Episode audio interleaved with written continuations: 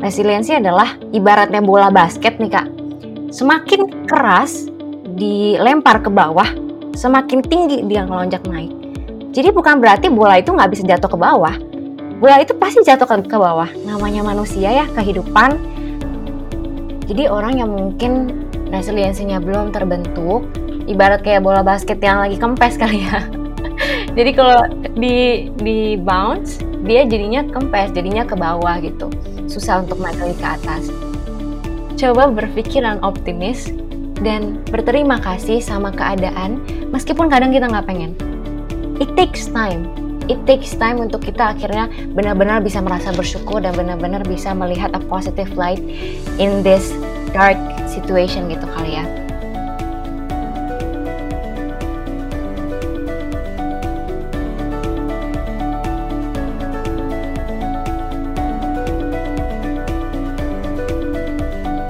Halo semuanya, selamat datang lagi di podcast Sehat Seutuhnya bersama saya Willy Yonas. Ini podcast season 2 dari podcast Sehat Seutuhnya. Senang banget akhirnya kita bisa rilis juga.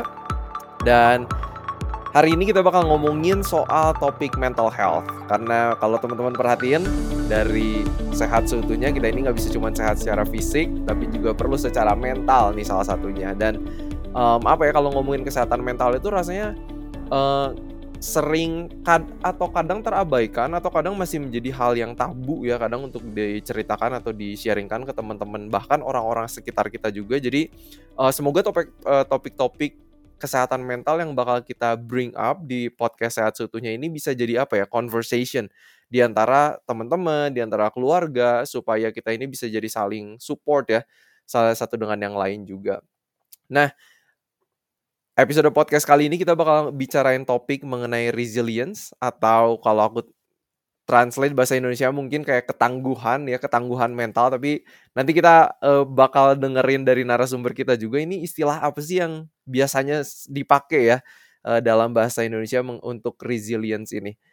Nah, apa ya ada satu kutipan yang aku suka banget dari salah satu buku kesehatan yang aku pernah baca yaitu The Ministry of Healing judulnya. Uh, dari chapter 18 aku hafal banget karena ini jadi salah satu favorit chapter ya dari buku ini. Dibilang bahwa the relation that exists between the mind and the body is very intimate. When one is affected the other sympathizes. Jadi uh, ini sekali lagi yang bakal kita bahas bahwa hubungan antara pikiran kita dan tubuh kita manusia ini erat banget. Erat banget. Nah ketika kita kita nggak punya ketangguhan mental atau resiliency ya um, ini efeknya besar atau bagaimana terhadap kesehatan kita dan gimana caranya kita ini bisa membangun ketangguhan ini atau ngebangun resilience ini di mental masing-masing kita gitu. Dan apakah ini bisa dilatih? Gimana caranya nih supaya kita ini menjadi seseorang yang mungkin gak gampang down, gak gampang stres, gak gampang khawatir. Ini yang bakal kita bahas di episode podcast kali ini. Well, narasumber kita hari ini sudah bersama-sama dengan kita, seseorang yang baru saya kenal tahun ini. Uh, ternyata setelah kenalan, ngobrol, dan ternyata dia kuliah psikologi. Dia lagi kuliah psikologi di UI, tapi ternyata double major juga di University of Queensland, Australia Uh, dan ternyata punya minor juga di music psychology. Jadi kayaknya ini menarik banget. Uh, dan by the way, tadi lupa mention juga yang di University of Queensland Australia-nya ini juga uh, bakal tamat dengan Bachelor Bachelor of Arts. Jadi, well, tanpa menunda-nunda waktu lagi, saya mau welcome Selin Caneta. Halo Selin. Halo semuanya, halo Kak Willy. Gimana kabarnya Selin? Puji Tuhan kabar baik Kak. Gimana nih lagi kuliah online terus sekarang atau gimana nih? Bener banget kesibukannya ya kuliah online aja sih capek nugas, nguli kuliah, ngezoom setiap hari. Mungkin mahasiswa-mahasiswa bisa relate kali ya. Mm -mm. Right, right. Well, thank you banget ini udah ngeluangin waktu soalnya apa ya ini udah udah seharian di depan Zoom sekarang kita rekaman podcast di depan di depan komputer lagi gitu ya. thank you, thank you so much deh. Thank you so much udah udah berbagi. Nah, sebelum kita masuk ke topik soal resilience nih. Pengen nanya sebenarnya apa sih yang membuat Celine itu pertama menarik atau tertarik dengan dunia psikologi sebenarnya? Hmm, that's a good question. Kenapa ya? Karena mungkin uh, pas kecil aku juga punya uh, masalah-masalah mental dan kalau di Indonesia ini kayak masih tabu gitu ya kak. Tadi kakak udah sempet sebut juga kalau kesehatan mental tuh sangat hmm. tabu dan jarang dibicarakan. Kalau orang pikir kesehatan mental tuh mikirnya kayak, aduh orang gila gitu ya, sakit jiwa gitu. Padahal it's right. more than that, it's more than that. Ada kecemasan, ada depresi, ada hal-hal lain gitu, other than kegilaan gitu. Nah, ini yang membuat aku terdorong kali ya, pengen promote mental health in Indonesia especially. Jadi mungkin aku terjun di sini gitu. Alright, ini ini menarik banget dan setuju banget gitu. Uh, apa? Ini banyak uh, sering kali masih tabu dan semoga dengan podcast-podcast kayak gini ya apa ya? Paling enggak nambah knowledge dan membuat conversation tentang kesehatan mental itu jadi jadi lebih biasa gitu di antara teman-teman, uh, di antara tem iya teman-teman yang seumur bahkan sama keluarga sekalipun gitu.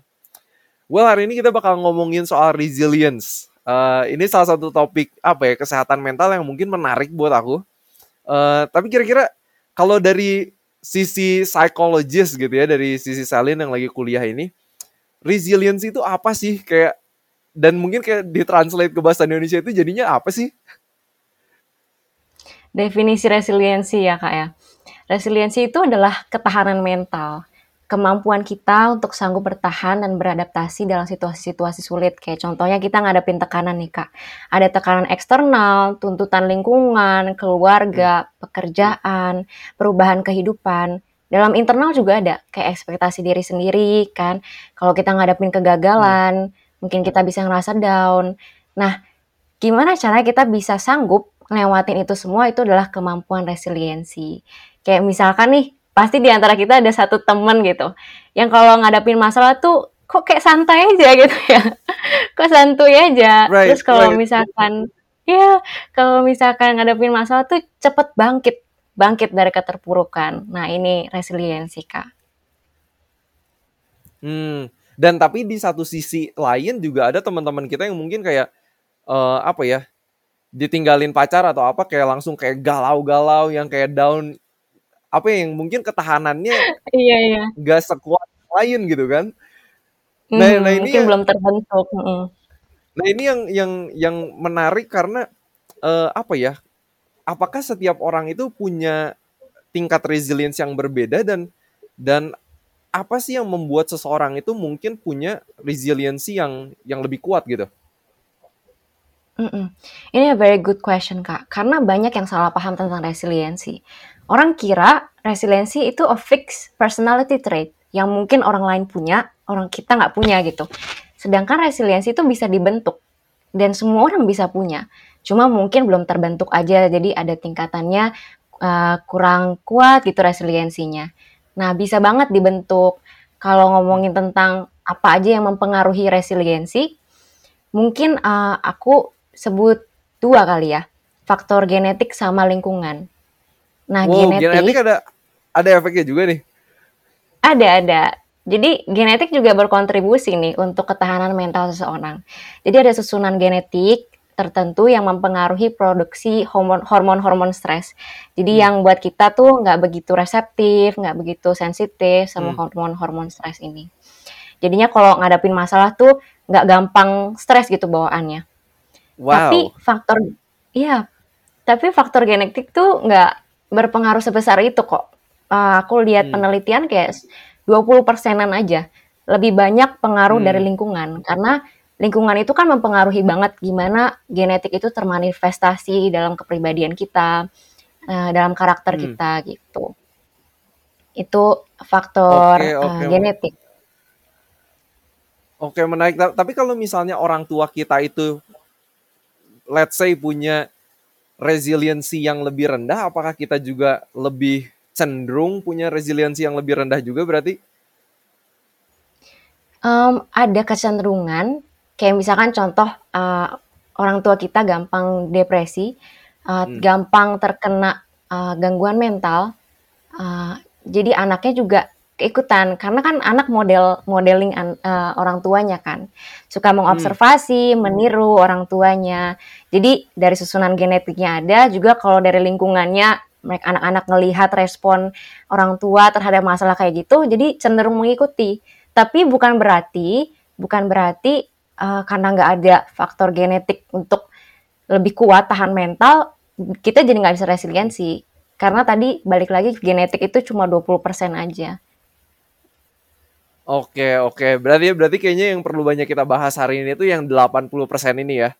Gimana caranya um, membentuk si resiliensi ini. Nah, kalau dari yang Salin udah pelajari gitu ya atau mungkin dari Salin alami yang Salin lihat dari teman-teman gitu. Resiliensi ini tuh gimana sih cara ngebentuknya? Mm -hmm. Kalau mungkin uh, dilatih dari kecil juga bisa. Tadi sempat aku sebutin kayak meniru orang tuanya. Hmm. Nah, ini tuh udah sebanyak yang salah paham ya kak. Gimana Jadi orang tua tuh suka gini uh, pengen anaknya tahan banting ceritanya. Right. Terus jadinya uh, dikerasin gitu. Hmm. Anak nggak boleh dimanjain katanya. Right. Dikerasin terus. Nah, padahal anak itu butuh lingkungan yang sehat ketika berkembang lingkungan yang mendukung, yang suportif, bukannya berarti memanjakan, memberikan independen juga, hmm. memberikan mereka kesempatan untuk memilih, kebebasan memilih, tetapi hmm. juga butuh didukung. Nah, orang tua bilang, ah harus dibentuk nih, tahan banting dari awal. Sedangkan itu bisa berdampak buruk banget, bisa berdampak buruk banget. Kayak misalkan trauma masa kecil, anak jadi minderan, hmm. anak jadi takutan, jadinya itu berbalik kan, opposite of what we want, resilient right. jadinya malah rapuh gitu. Nah itu dari masa kecil. Nah kemudian oh. uh, dari personality ya. Itu itu menarik tuh. Aku aku pengen pengen tanya yang soal soal itu ya. Jadi kadang yang Selin bilang kadang orang tua pengen anaknya tahan banting tapi anaknya dibanting-banting gitu kan. Nah, tapi iya iya tapi gimana ya caranya um, cara yang benernya tuh gimana gitu supaya anak tahan hmm. banting tapi bukan dibanting-banting gitu. iya iya. Thank you banget udah nanyain itu kak. Jadi ada beberapa tipe parenting styles. Nah mungkin yang aku sebut yang paling uh, ini aja kali ya, yang paling dalam penelitian paling efektif dan paling baik untuk diterapkan. Hmm. Itu authoritative parenting. Jadi tadi aku sempat sebut juga mereka uh, menunjukkan mengarahkan mm-hmm. yang baik yang mana, tapi juga memberikan kebebasan. Jadi nggak kamu harus nurut mama papa ya, nggak begitu. Jadi berikan uh, anak-anak kebebasan, mm. tapi ngasih tahu juga rasionalnya. Kamu uh, harus berbuat baik sama orang. Kenapa? Supaya orang juga berbuat baik sama kamu. Jadi kasih rasional dalam setiap uh, tuntutan atau setiap uh, wejangan yang ada gitu kali ya. Nah, kayak hmm. gitu jadi anak uh, merasa aman dalam lingkungan keluarganya dan juga kalau ngadepin masalah tuh jadi bisa berpikir rasional. Uh, nggak bawaannya stres hmm. gitu. Kayak bingung, aduh putus asa gitu. Nah, tapi uh, orang tua mengencourage anaknya, nggak apa-apa kalau misalkan ngadepin masalah. Hmm. Kalau misalkan nilainya jelek, ya nggak apa-apa, ini namanya proses belajar. Bukan yang dimarah-marahin. Masa nilainya jelek gitu? Nggak boleh dimarah-marahin. Right. Mungkin kayak gitu kali kak. Oke oke oke menarik menarik menarik. Ini ini apa ya? Ini podcast kesehatan tapi belajar parenting juga lucu juga sih. Tapi semoga itu bermanfaat bermanfaat juga nih. Apakah yang lagi dengar teman-teman yang lagi dengar apakah sudah jadi orang tua atau bakal jadi calon orang tua di kemudian hari? Semoga bermanfaat. Terus gimana tuh? Next yang tadi Salin mau sharingkan. Nah, jadi ada beberapa kesalahpahaman tentang resiliensi. Orang pikir kalau orang yang resilient itu nggak bisa jatuh gitu, hmm. nggak bisa ngerasakan sedih, harus tangguh, harus kuat, tahan banting. Right. Tapi nggak gitu. Itu bukan resiliensi. Resiliensi adalah ibaratnya bola basket nih kak. Uh -huh. Semakin keras dilempar ke bawah, semakin tinggi dia ngelonjak naik. Nah huh. itu adalah resiliensi. Jadi bukan berarti bola itu nggak bisa jatuh ke bawah. Bola itu pasti jatuh ke, ke bawah. Namanya manusia ya, kehidupan. Right.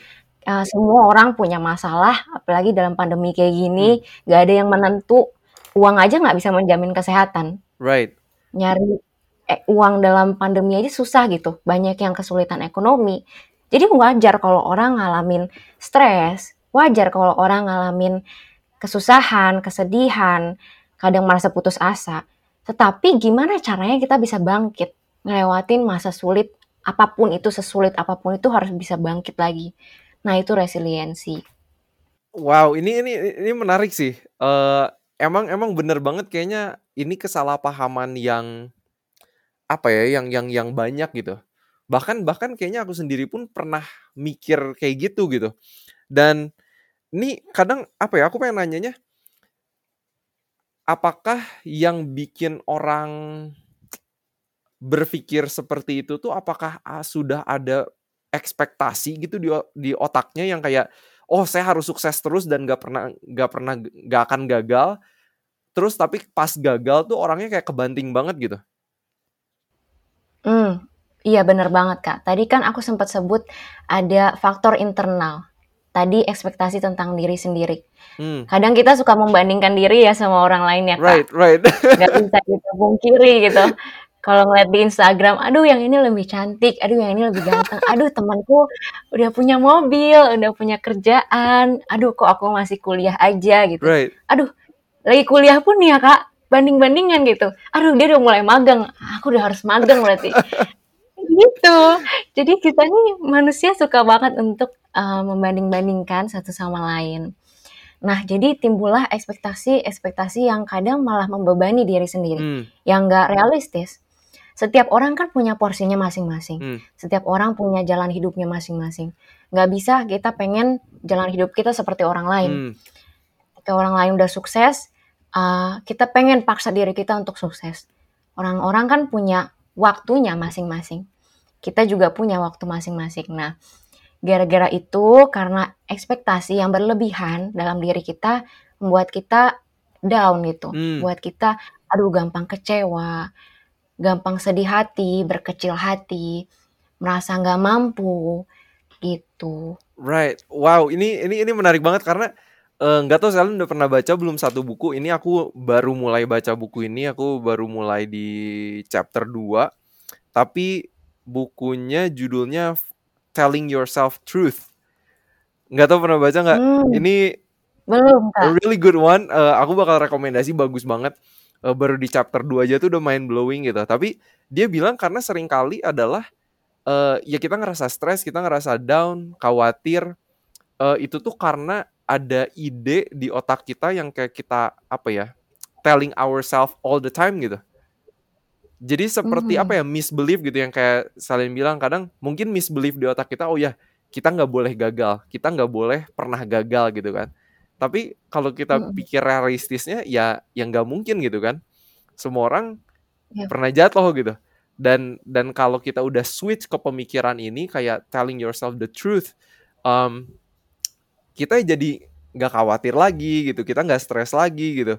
Um, anyway, it's interesting book sih interesting book sih.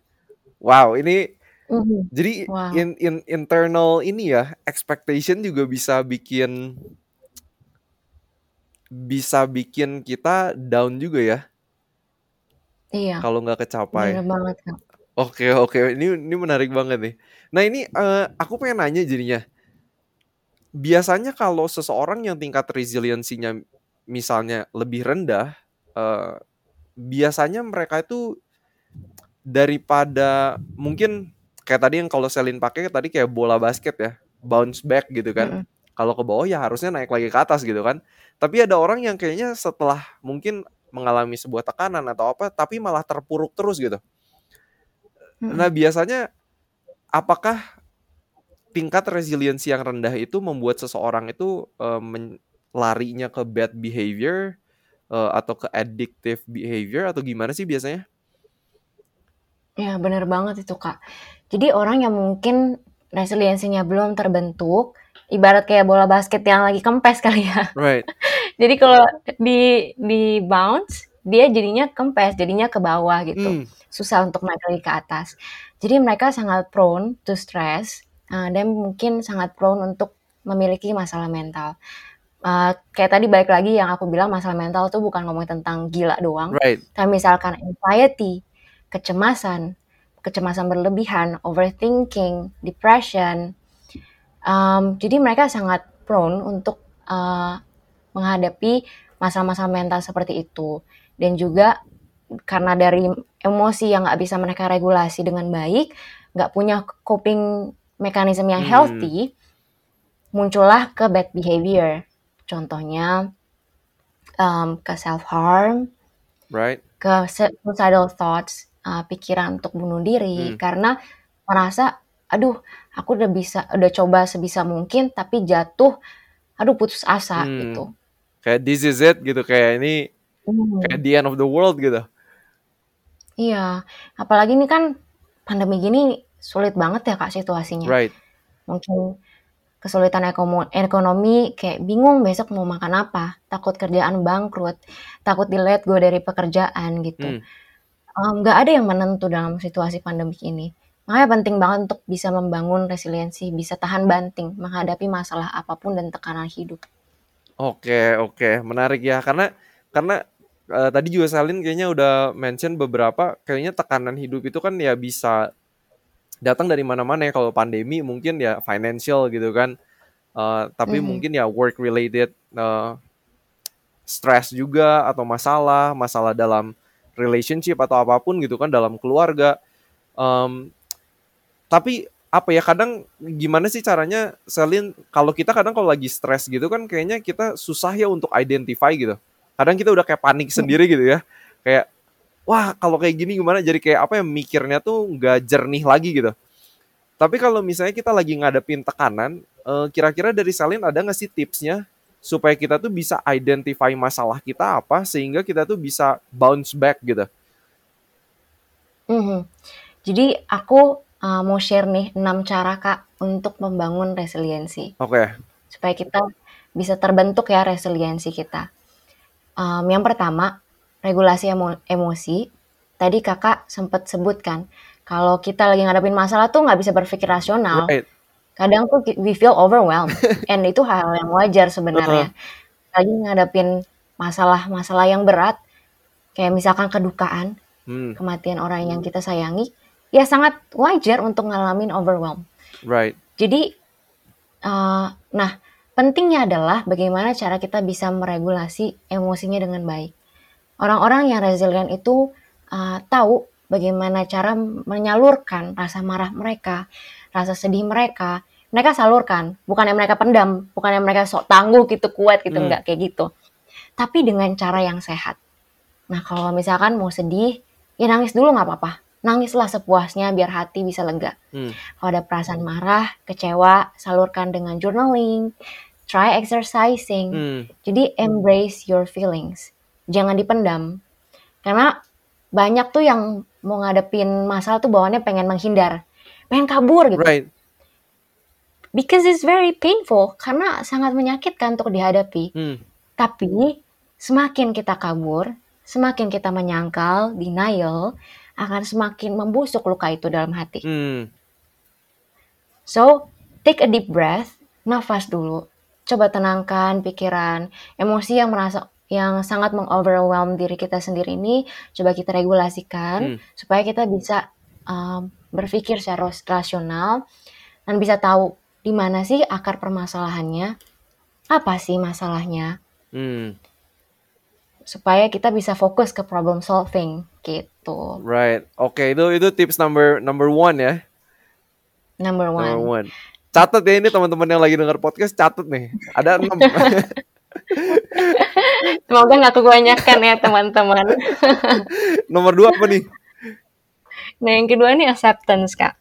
Oh, Menerima kalau kehidupan itu pasti ada manisnya, ada juga pahitnya. hmm, Akan ada hal-hal yang nggak kita duga tuh terjadi. hmm, Ada uh, tokoh penelitian, uh, saintis yang ngomong gini, resilience is the science of surprise. wow, interesting. Yes, karena kita terima, harus terima bahwa kehidupan tuh very unexpected. Hmm, It's a sign of surprise. Harus diterima kalau ya hidup itu penuh dengan kejutan. Kadang nggak sesuai dengan ekspektasi kita. Kematian orang yang kita sayangi siapa sih yang mau? Kecelakaan siapa sih yang mau? right. Bangkrut siapa sih yang mau? nggak diduga, Hmm. nggak diduga. Apalagi pandemi nih, nggak ada yang duga. Right, bener bener bener. Udah Nggak ada yang duga. Oh Kita punya rencana, tapi kadang rencana itu nggak akan selalu bisa sesuai dengan keinginan kita terjadinya. hmm. Bener-bener, men, So, itu setuju banget hmm, sih dan dan kayaknya kita harus punya pemikiran soal ini tuh yang bener gitu. Kalau enggak, Yap, benar. kalau enggak ya kita bakal terus aja diombang-ambing dengan apa ya? Misalnya kita oh things go well gitu kan, semua berjalan dengan apa yang kita rencanakan. Kita seneng terus tiba-tiba kalau enggak langsung sedih banget, down banget, nanti Mhm. naik lagi. Jadi kayak apa ya? Hidupnya tuh roller coaster terus gitu. Iya, benar banget. So we have to accept that there are things yang outside our control yang nggak bisa kita kendalikan. Hmm. And be kind to yourself. Be kind to yourself. Jangan uh, membuli diri sendiri ketika kegagalan itu terjadi. Hmm. Ketika uh, situasi nggak sesuai dengan keinginan kita, jangan kita salahkan diri sendiri, jangan kita bully diri sendiri. Kadang kita kalau orang lain curhat sama kita ya kak, Hmm. kita uh, try to console them kan ya, uh, membuat mereka uh, merasa lebih baik. Kita ngomong nggak apa-apa kok, nggak apa-apa. Right. Tapi sama diri kita sendiri tuh kita malah, aduh lu kok bego banget sih, gini aja nggak bisa. Aduh mikir dong. Jadi jadi jahat deh sama diri kita sendiri ya. Right, right, right. Bener, bener, bener. Coba deh kita bilang sama diri sendiri, nggak apa-apa, aku gagal hari ini. Aku tapi udah coba berikan yang terbaik. Hmm. Tapi mungkin kali ini belum berhasil. Next time kita coba lagi ya. Jadi jadikan ini pelajaran. Hmm. It's okay.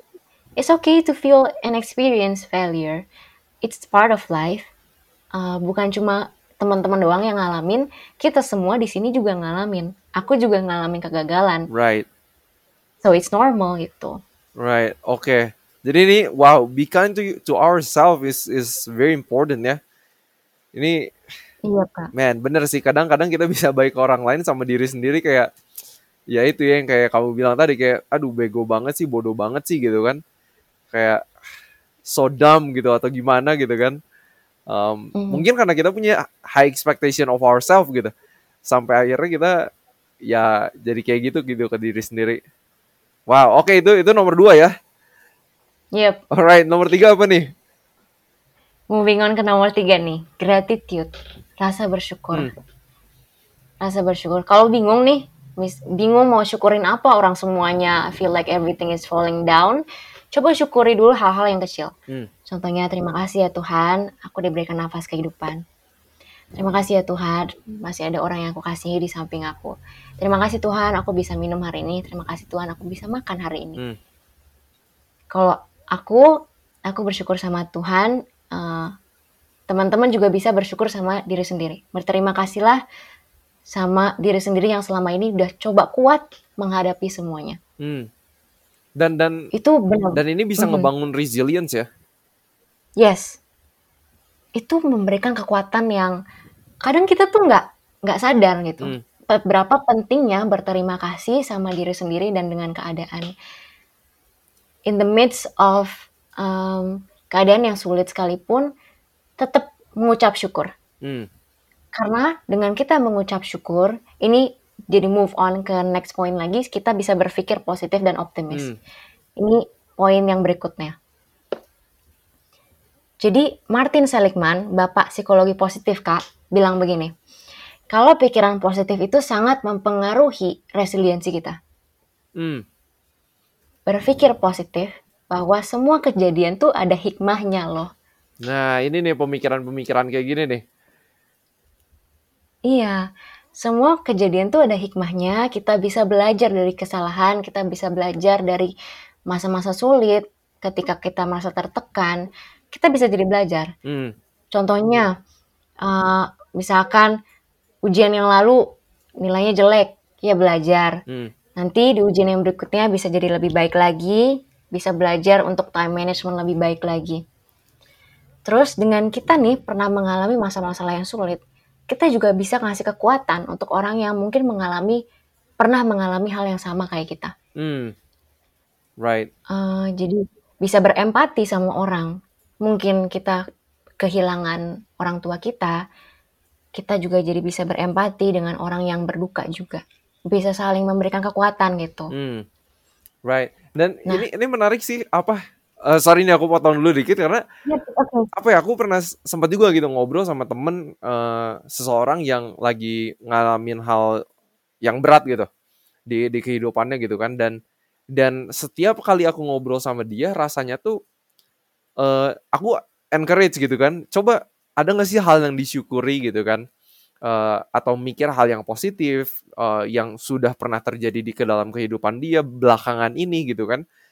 Eh, tapi selalu dia tuh bilang kayak tapi kan tapi kan dan apa ya kata tapi kan itu tuh selalu ngebawa dia ke ke hal-hal negatif yang sedang terjadi gitu.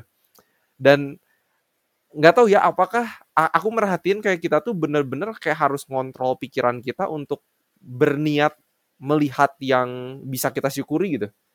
Iya nggak sih? Atau atau Mhm. atau gimana tuh? Apakah kita harus ngelatih otak kita juga kayak udah purpose in our heart gitu ya? Kayak oke saya pengen ngelihat hal yang positif gitu nggak yang negatif atau gimana sih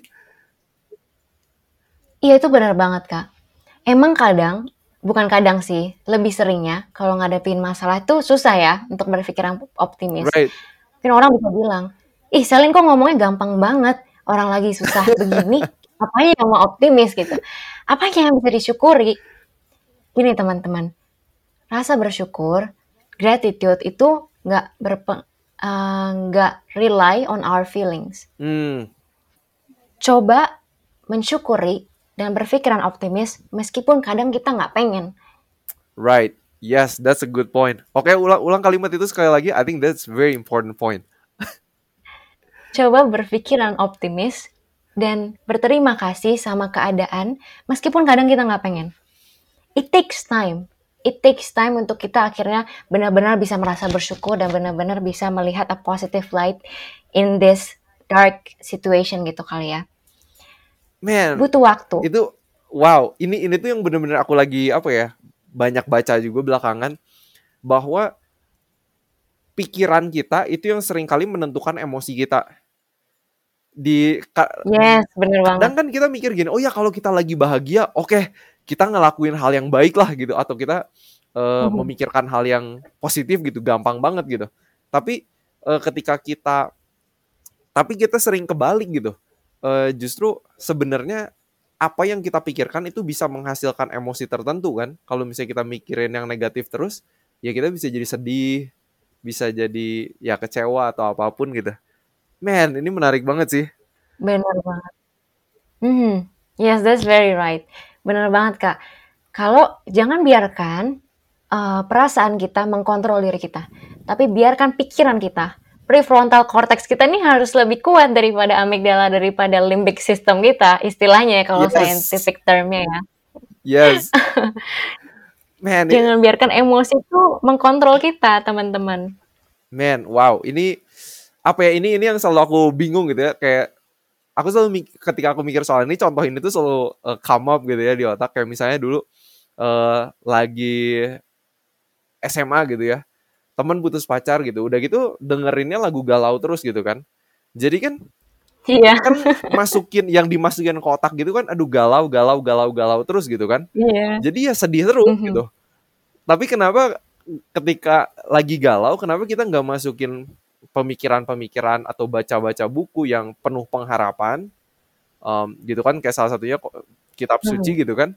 Eh, kalau teman-teman Yep. percaya, jadi kayak ya nanti pikirannya dibenerin, nanti emosinya juga akan lebih bener gitu. Iya nggak sih? Iya, benar banget. Itu benar banget, Kak. Em, tapi bukan berarti kita nggak boleh ngerasain sedih. Boleh Right. teman-teman ngerasa sedih, nangis sepuasnya, it's okay. Tapi jangan berlarut dalam kesedihan. Yes. You have to bounce back. Harus bisa bangkit lagi ke atas. Jadi kalau misalkan nih, kalau misalkan kita nggak biarkan diri kita meluapkan emosi kita, jatuhnya malah toxic positivity. Nah ini nggak baik juga Oke nih. oke. Coba coba dieksplor dikit tuh soal toxic apa positivity gimana tuh? Nah, toxic positivity itu Kak adalah kondisi ketika seseorang memaksakan dirinya untuk selalu berpikiran positif, Hmm. terus menolak menolak emosi negatif apa pun. Marah nggak boleh, sedih nggak boleh, semuanya harus positif. Nah ini toxic positivity. Kamu nggak membiarkan dirimu sendiri, nggak menghargai perasaanmu, nggak membiarkan perasaanmu tuh diluapkan. Yang ada jadinya kamu menimbun. Kayak tadi sempat aku bilang, yang ada nanti luka itu malah membusuk. Yang ada nanti Hmm. malah explode. Nanti bolong hatimu kalau dibilang sama orang tuaku ya. Jangan dipendam, nak. Nanti bolong hatimu gitu. Wow, wow. Oke, ini interesting. Kayaknya kayaknya bahkan kalau kita lagi ngomongin soal ini tuh kayaknya ini bisa jadi podcaster sendiri sendi apa ya? Podcaster sendiri gitu. Soal ngomong Iya. toxic positivity. Oke, oke, menarik. Tadi berarti poin nomor tiga untuk um, build our reli- Optimisme. reli- resiliency itu gratitude udah gitu yang keempat berpikir positif uh, dan optimis Yep. ya. Mhm. Yang kelima apa nih? So, mungkin sebelum move on, aku mau share dulu kali kayak. Oke. Kalau aku kan uh, agama Kristen, jadi biasa yang aku lakukan adalah aku pegang-pegang janji Tuhan Hmm. supaya aku bisa berpikiran optimis. Kadang kan sulit ya untuk berpikiran optimis, jadi aku butuh bantuan, yaitu aku pegang janji-janji Tuhan. Hmm. Contohnya kayak Yeremia 29 ayat 11, uh, mungkin aku bacain nih. Berbunyi, sebab aku ini mengetahui rancangan-rancangan apa yang ada padaku mengenai kamu. Ini kata Tuhan. Hmm. Demikianlah firman Tuhan, yaitu rancangan damai sejahtera, bukan rancangan kecelakaan untuk memberikan kepadamu hari depan yang penuh harapan. Terus ada lagi Roma 8 ayat 28. Kita tahu sekarang bahwa Allah turut bekerja dalam segala sesuatu untuk mendatangkan kebaikan bagi mereka yang mengasihi Dia, yaitu bagi mereka yang terpanggil sesuai dengan rencana Allah. Hmm. Dua ayat ini selalu aku pegang kak. Kalau masalah-masalah yang sulit pun, yang kadang, aduh kenapa ya Tuhan terjadi kayak begini, ingat lagi ke ayat ini. Bahwa Tuhan memberikan rancangan damai sejahtera. Hmm. Bukan kecelakaan, bukan untuk malapetaka buat aku. Hmm. Bukan bukan supaya aku terpuruk. Dan Tuhan tuh bekerja loh dalam segala sesuatu.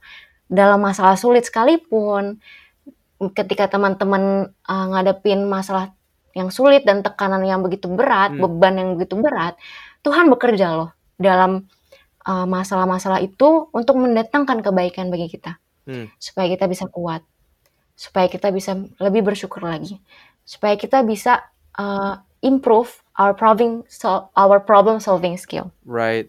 Mungkin gitu kali kak. Wow. Nah, nah ini yang thank you for bringing this up karena um, aku sendiri melihat gitu kayak agama tuh secara langsung kalau menurut aku ya itu dapat mempengaruhi kesehatan kita gitu. Dan ya ini apa ya paradigmnya nggak bisa dipisahin gitu kalau menurut aku ya. Dan thank you for bringing this up karena eh, apalagi kalau ngomongin soal kesehatan mental kayaknya harus banget gitu untuk ngomongin soal percaya sama Tuhan, soal berserah sama Tuhan, percaya sama ya apa yang udah ditulis dalam kitab suci gitu. Um, dan ini keren banget. Ini semoga ngebuka wawasan teman-teman juga yang lagi dengar podcast. Um, ya agama secara langsung juga ada efeknya sama kesehatan mental kita ya. Thank you, thank you nih. Amin. Wah, Oke, benar banget kak. poin nomor lima apa nih? Social support. Social support. Yes. Orang-orang yang seli, yang resilient adalah orang-orang yang tahu kapan mereka perlu cari bantuan. Hmm. Bukan berarti mereka nggak butuh bantuan ya. Yep, betul banget. Jadi mereka tuh bukannya semuanya bisa sendiri mandiri hidup sendiri. Kalau kayak gitu kan ngapain Tuhan ciptain banyak manusia gitu ya? right. Kita pikir kita Superman gitu. Iya. We are all social being. Kita butuh bantuan. Hmm. Jadi teman-teman, ketika lagi sulit banget nih, mumet banget, udah kayak benang kusut nih pikiran, coba carilah bantuan. Hmm. Curhat ke teman, ke keluarga.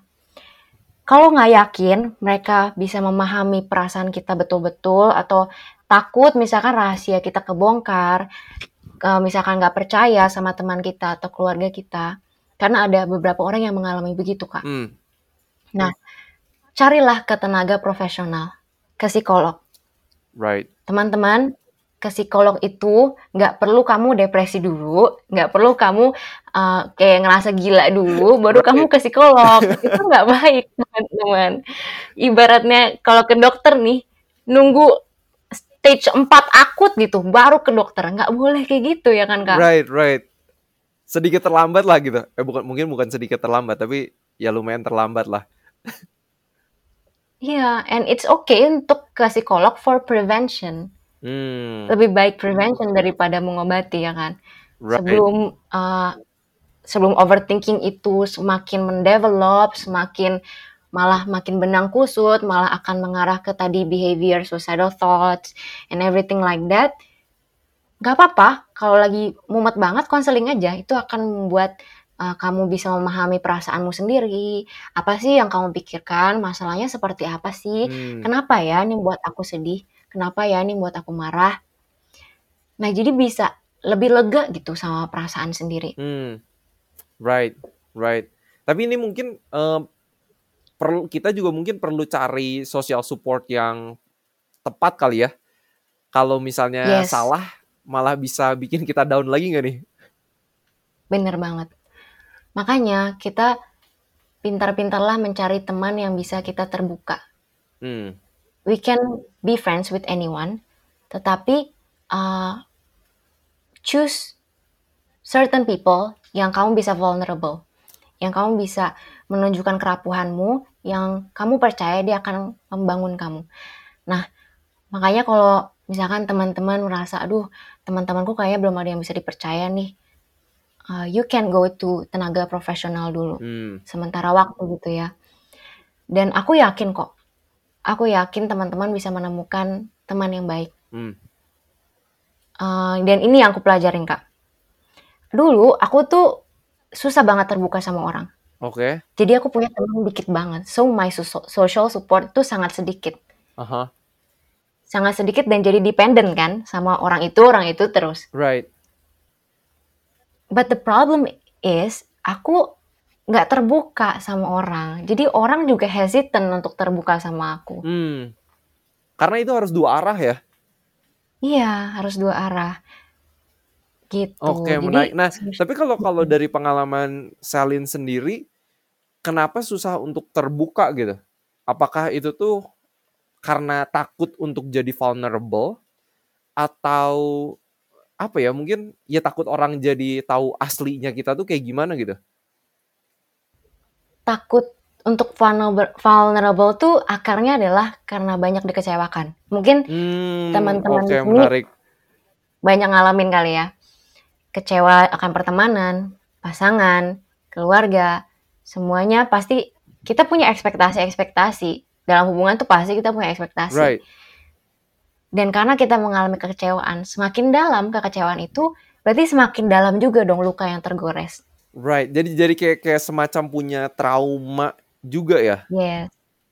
Iya. Oke. Nah, itu butuh healing, butuh waktu untuk healing. Hmm. Dan salah satunya untuk healing itu adalah bisa berani to open up again dengan orang yang kita percaya ya. Wow. Gitu. Man, ini ini menarik sih. Very interesting topic. Um, ya karena karena ya ada juga orang-orang yang emang gak gampang untuk cerita gitu.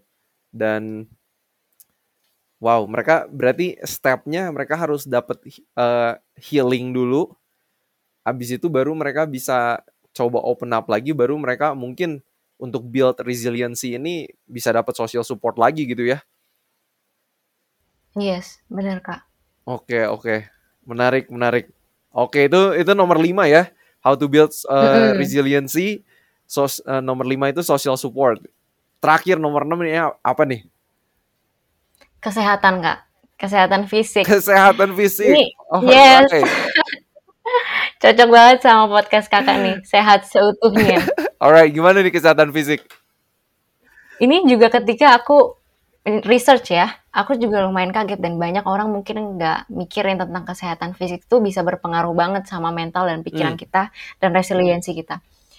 Jadi resiliensi itu perlu banget problem solving skills kan ya, Hmm, untuk berpikir secara rasional. Nah berarti berpengaruh banget sama kinerja prefrontal prefrontal cortex kita. hmm. Supaya kita bisa pikir rasional, bisa berpikir secara jernih. Karena tadi kita sempat sebut juga kalau emosi kita tuh susah dikontrol. Right. Susah banget untuk dikontrol. So we feel overwhelmed. Nah, supaya kita bisa sanggup mengkontrol pikiran kita, fokus ke solusi, kita butuh uh, sistem kita, badan kita untuk bekerja secara optimal. Berarti kesehatan fisik nih penting. Hmm. Contohnya tidur yang cukup, 7 jam sampai 8 jam sehari. Ini tuh penting banget. Aduh, aku juga tersentil, Kak, pas lagi research. so, teman-teman, you're not alone. Aku juga tersentil kok. Kita sama-sama bangkit nih. Right, right. Pola tidur, Aduh, tidur. terus olahraga. Yes. Iya, Kak. No, go ahead, go ahead. Olahraga minimal 30 menit sehari ya nggak sih, Kak? Yes, that's right. Olahraga. Yes, terus makan makanan yang bergizi. Karena nutrien itu sangat penting, nutrisi. Badan kita butuh banget nutrisi. Karena kalau kita berpikir banyak nih, butuh banget uh, mineral-mineral dan vitamin dan nutrisi yang uh, digunakan supaya kita bisa berpikir dengan jernih. Hmm, And fasting juga bisa menjernihkan pikiran. that's true. Yes. Gitu, Kak. Wow, ini eh interesting banget. Apa ya? Untuk nge-build resiliency ini banyak aspek gitu. Eh tapi good newsnya juga adalah banyak aspek yang bisa kita manfaatin untuk membuat kita menjadi orang yang punya tingkat resiliency yang lebih tinggi gitu.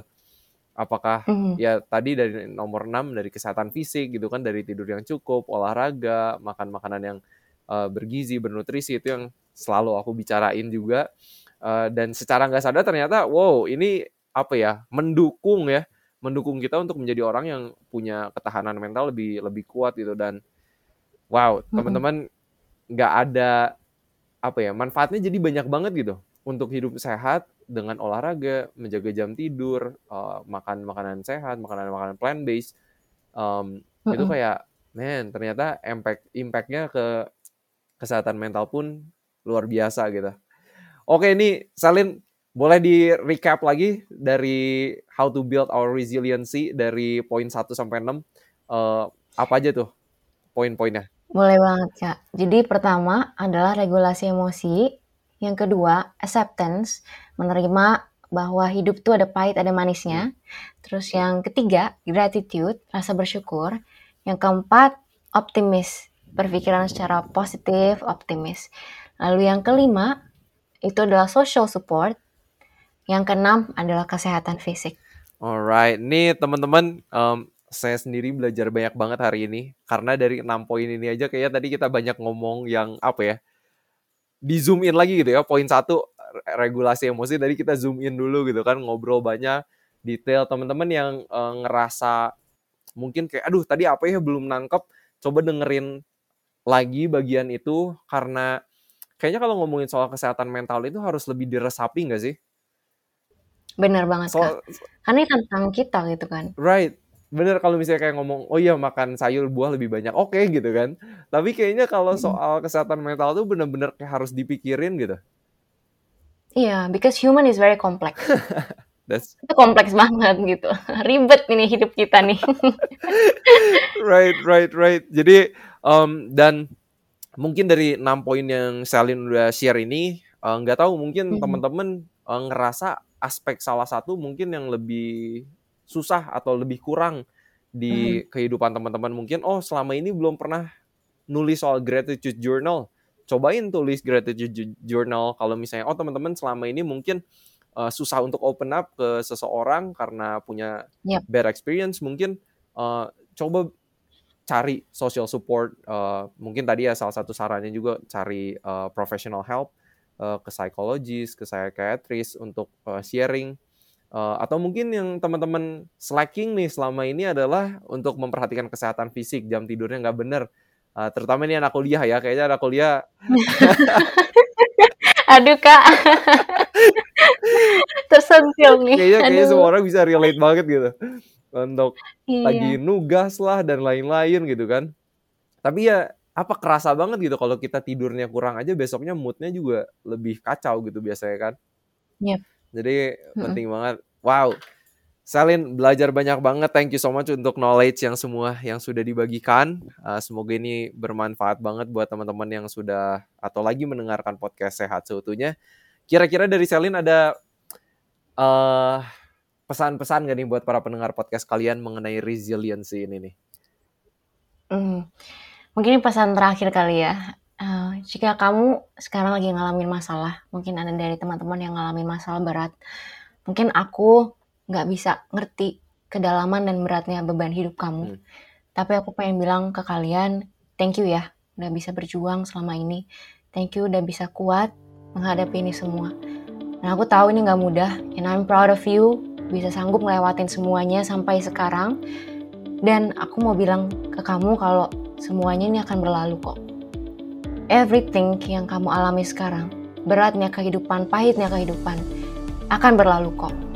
Jadi jangan biarkan masalah mengkontrol kamu, tapi jadilah yang merubah lingkungan, yang merubah keadaan. Bangkit, harus bisa bangkit dari keterpurukan ya teman-teman. Alright, gitu. harus bounce back ya. Jangan jadi bola basket yang kempes, man, dipantulin ke lantai langsung nggak bisa bounce back, tapi jadilah bola basket yang bisa bounce back ya. And dan aku selalu ingat satu kata-kata yang kayak apa ya? Mungkin ini terkenal kalau di ya istilah di bahasa Inggris and this too shall pass gitu.